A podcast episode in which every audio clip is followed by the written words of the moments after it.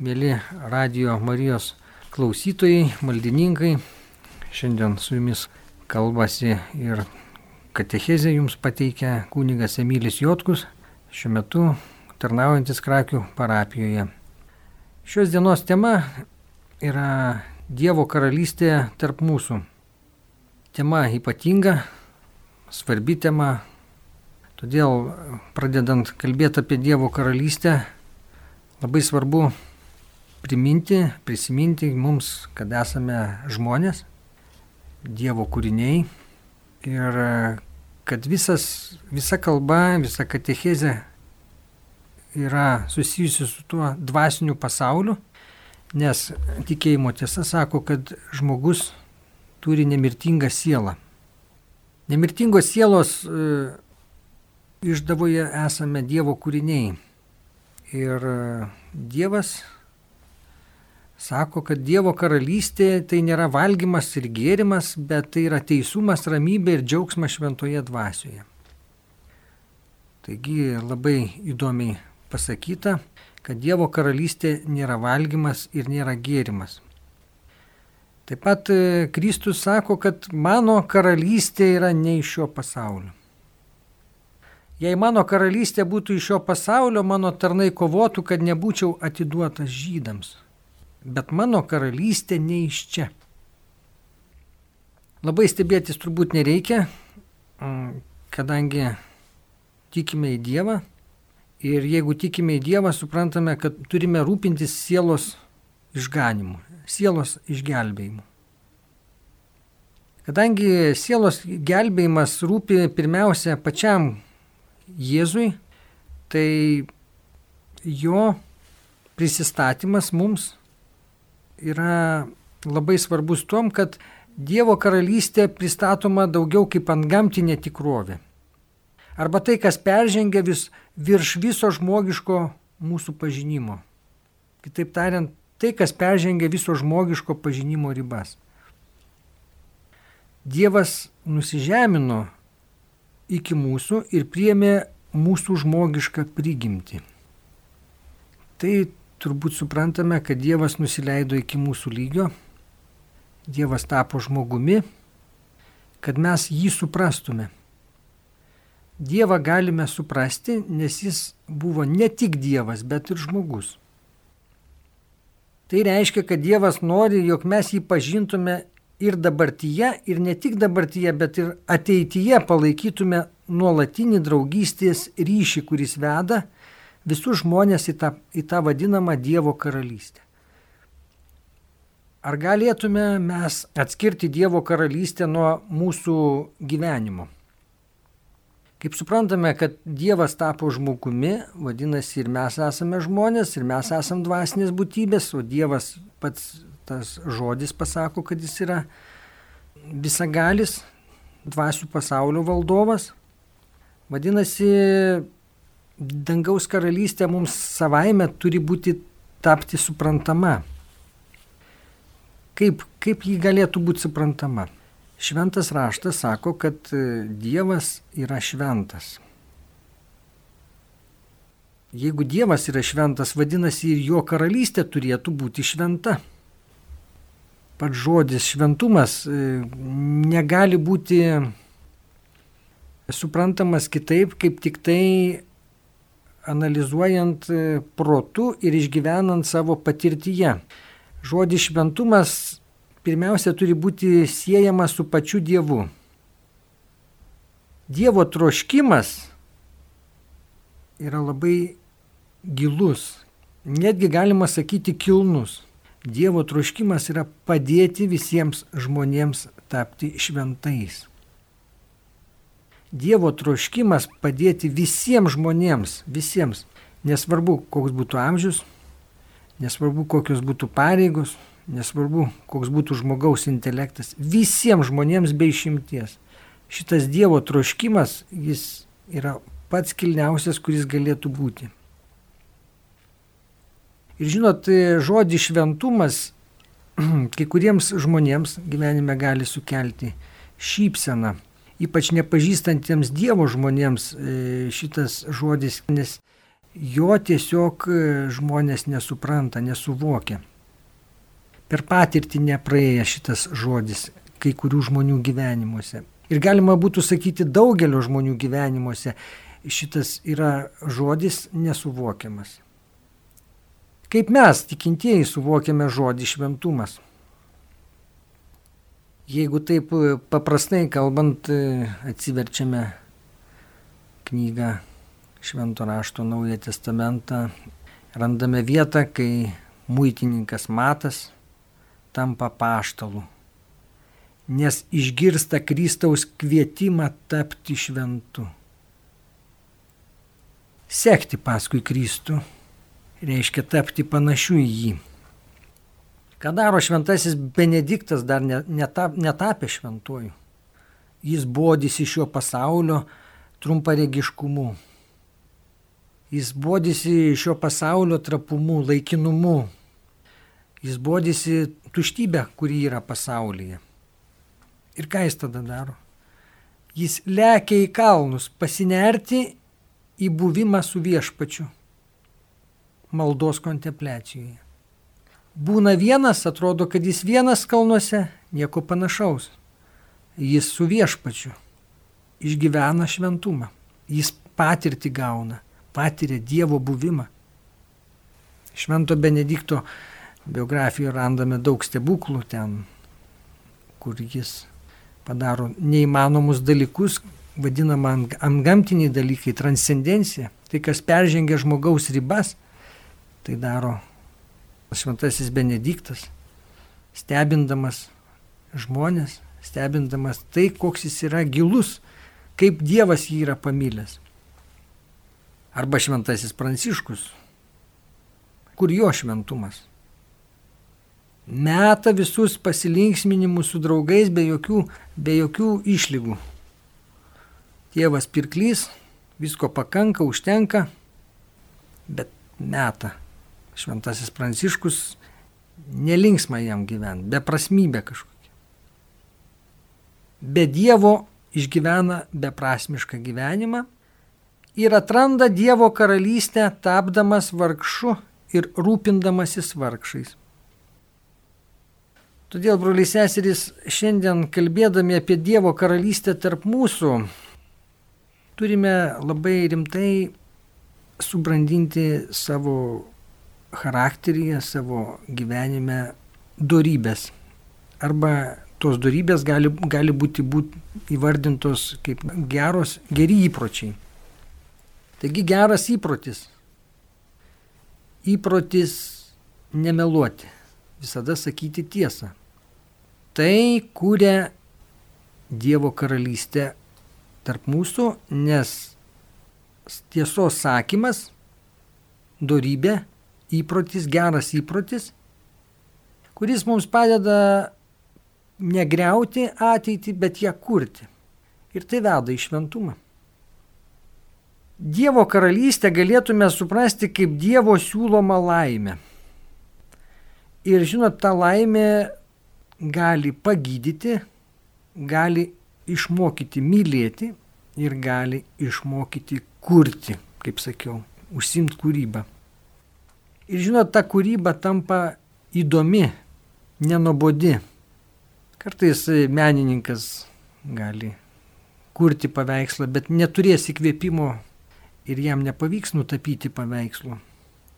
Kartais e, muzikantas arba kompozitorius norėdamas sukurti gražią melodiją, bet neturėdamas įkvėpimo, negali jos parašyti to kūrinio natų. Ir kodėl tai vyksta? Todėl, kad trūksta gerų įpročių, tai yra darybių. Dorybė, ką ji padeda, ji, broliai seserys, mums perteikia Dievo dvasę. Arba kaip apaštalas Paulius sako, jau gyvenu nebe aš, bet gyvena manyje Dievas. Tampu Dievo įrankiu. Dievo karalystės gyventojų. Mūsų tikslas suprasti, kad e, Dievo karalystė pirmiausia kviečia mus atsiversti, pagydyti save, išgyti nuo gyvenimo, sielvartų, nuo įvairiausių emocijų, sutvarkyti savo vidinę bažnyčią, tai yra siela.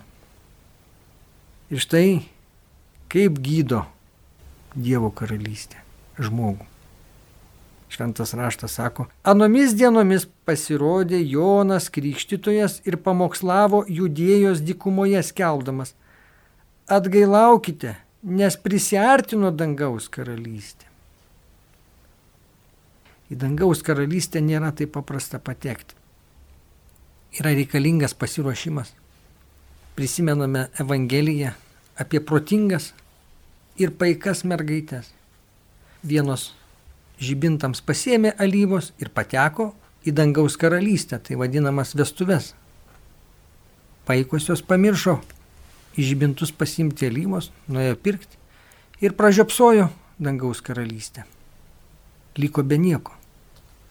Ką mums tai sako, kad ypatingai atsargiai ir atsakingai turime turėti reikalų su viešpačiu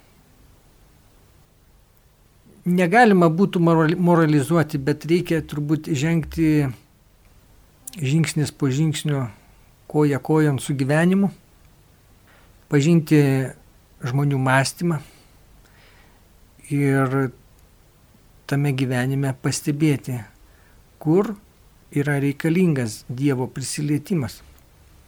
Mums, broliai seserys, šiame, gyven, šiame laikotarpyje gyvenant labai yra svarbu prisiminti, kad negalima savo patiems atleisti klaidas, blogį padarytą, taip vadinamas nuodėmės.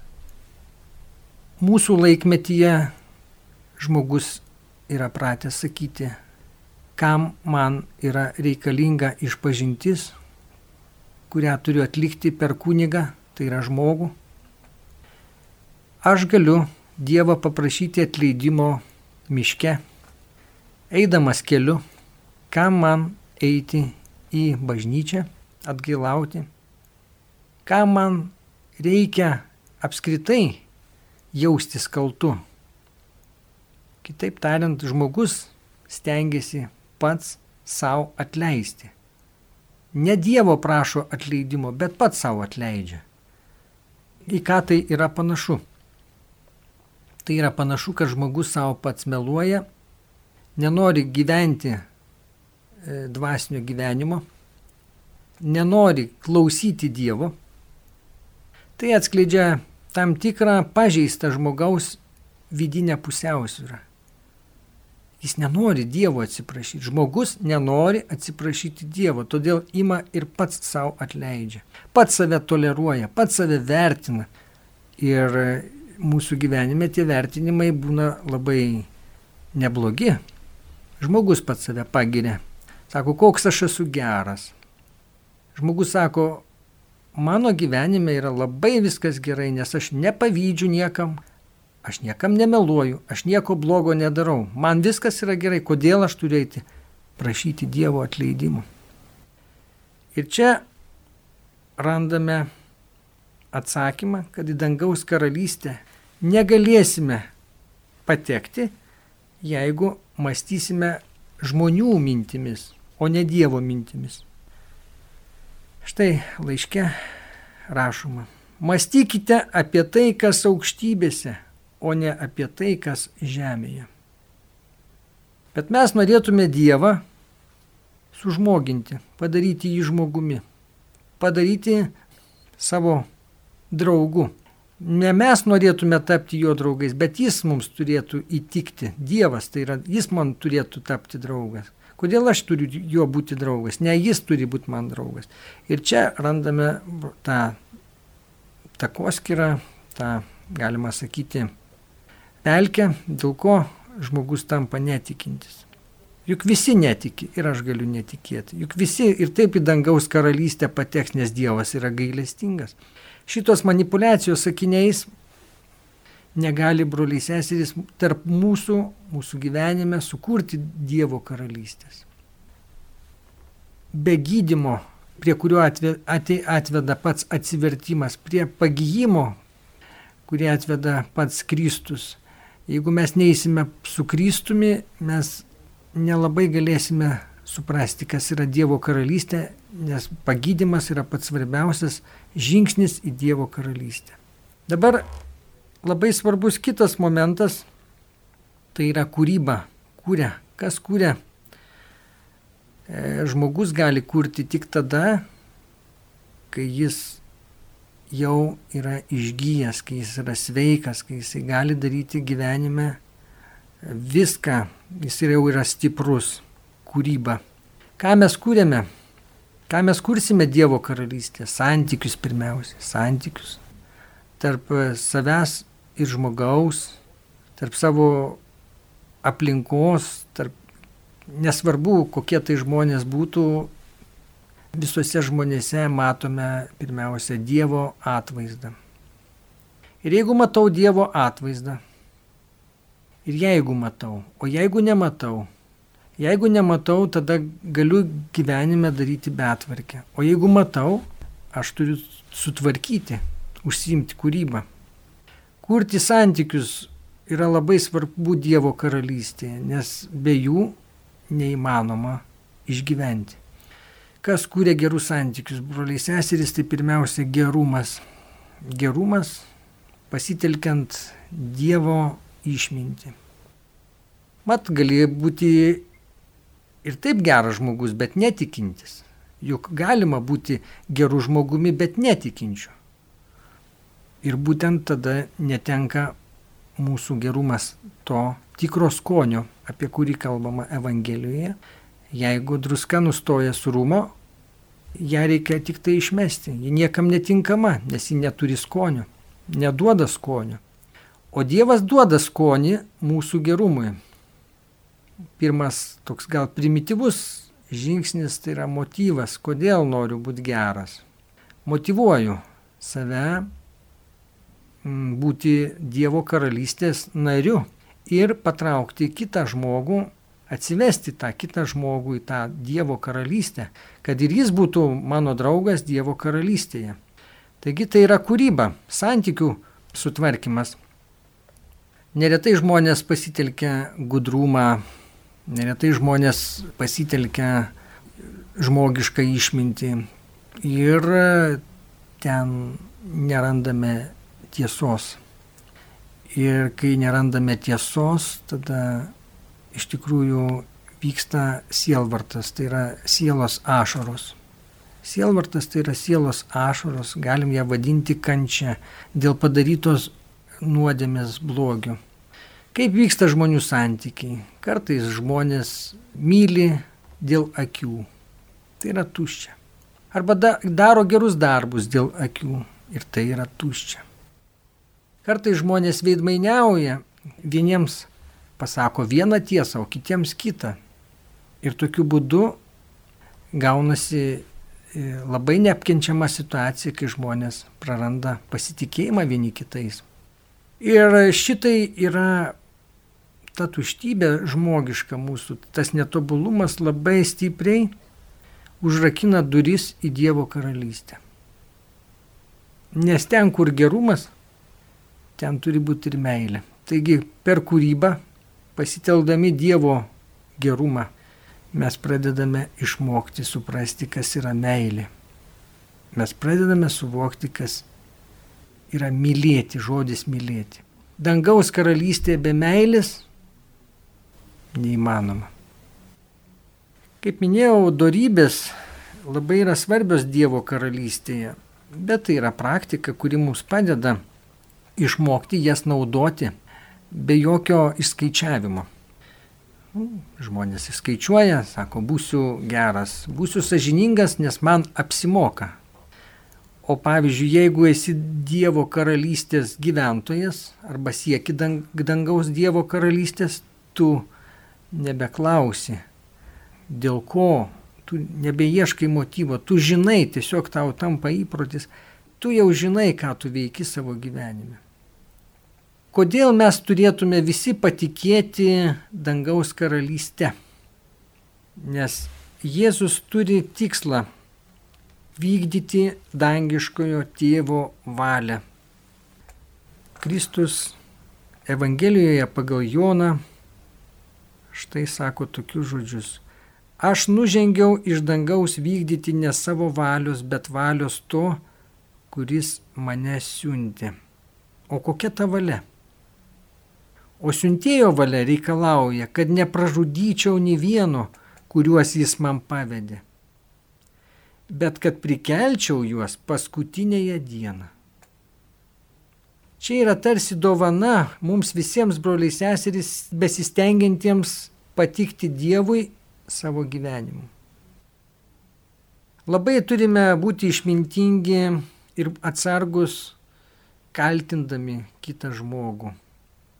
Arba išreikšdami savo nepasitikėjimą, arba parodyti, kad kitas žmogus man labai nepatinka. Labai turim būti atsakingi, todėl kad Dievas, nežinau, galbūt tą dangaus karalystę padovanoti per savo gailestingumą begalinį, bet tai yra Dievo reikalas ir vien tik tai apeliuoti Dievo gailestingumą kartais yra baisu, nepareikalaujant iš savęs išmokti tvarkingo ir gražaus gyvenimo.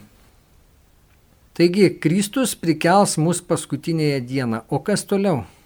O ką toliau veiksime? Jeigu viešpats mus prikels, turėtume būti laimingi, kad viešpats mums davė gyvybę. Dėl ko turėtume būti, kas bus toliau? Kristus sako, tėvo valia, tėvo valia, dangiškojo tėvo valia, kad kiekvienas, kuris regi sūnų ir tiki jį, turėtų amžinai gyvenimą. Taigi amžinasis gyvenimas, ta pati Dievo karalystė, dangaus karalystė. Todėl būsime prikelti. Tas prikelimas reiškia mūsų įvertinimą. Dievas įvertina. Tai jau galima sakyti pripažįsta. Gauname iš Dievo pripažinimą, gausime iš Dievo pripažinimą, kad verti esame būti Dievo karalystės, dangaus karalystės gyventojais. Ir Dievas duoda mums tą laikiną, mūsų dabartinį gyvenimą, kuriuo mes džiaugiamės ir stengiamės jau dabar savo gyvenimu patikti Dievui, žmonėms, aišku, nepataikaudami vieni kitiems, bet kurdami tą išmintingą santyki vieni tarp kitų.